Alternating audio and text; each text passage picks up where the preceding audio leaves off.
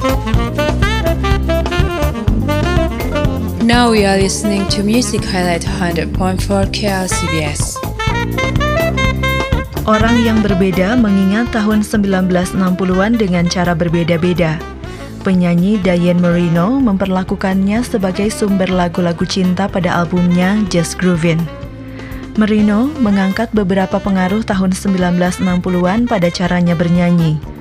Ia meminjam sedikit pengaruh Dinah Washington dalam hal pendalaman dan sedikit dari Shirley Bassey dalam caranya menyanyi, kendati gaya Merino sendiri pada dasarnya melayang dan menyenangkan.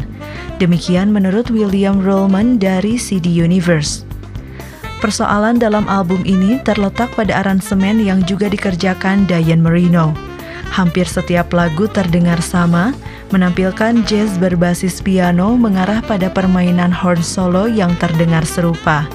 Jadi saat polanya berubah, barulah lagu menjadi menonjol.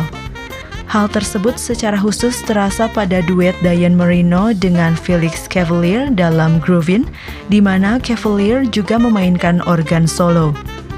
Felix Cavalier adalah penulis sekaligus yang pertama kali membawakan lagu tersebut tahun 1967. For another story of music highlight on KLCBS, visit klcbs.net.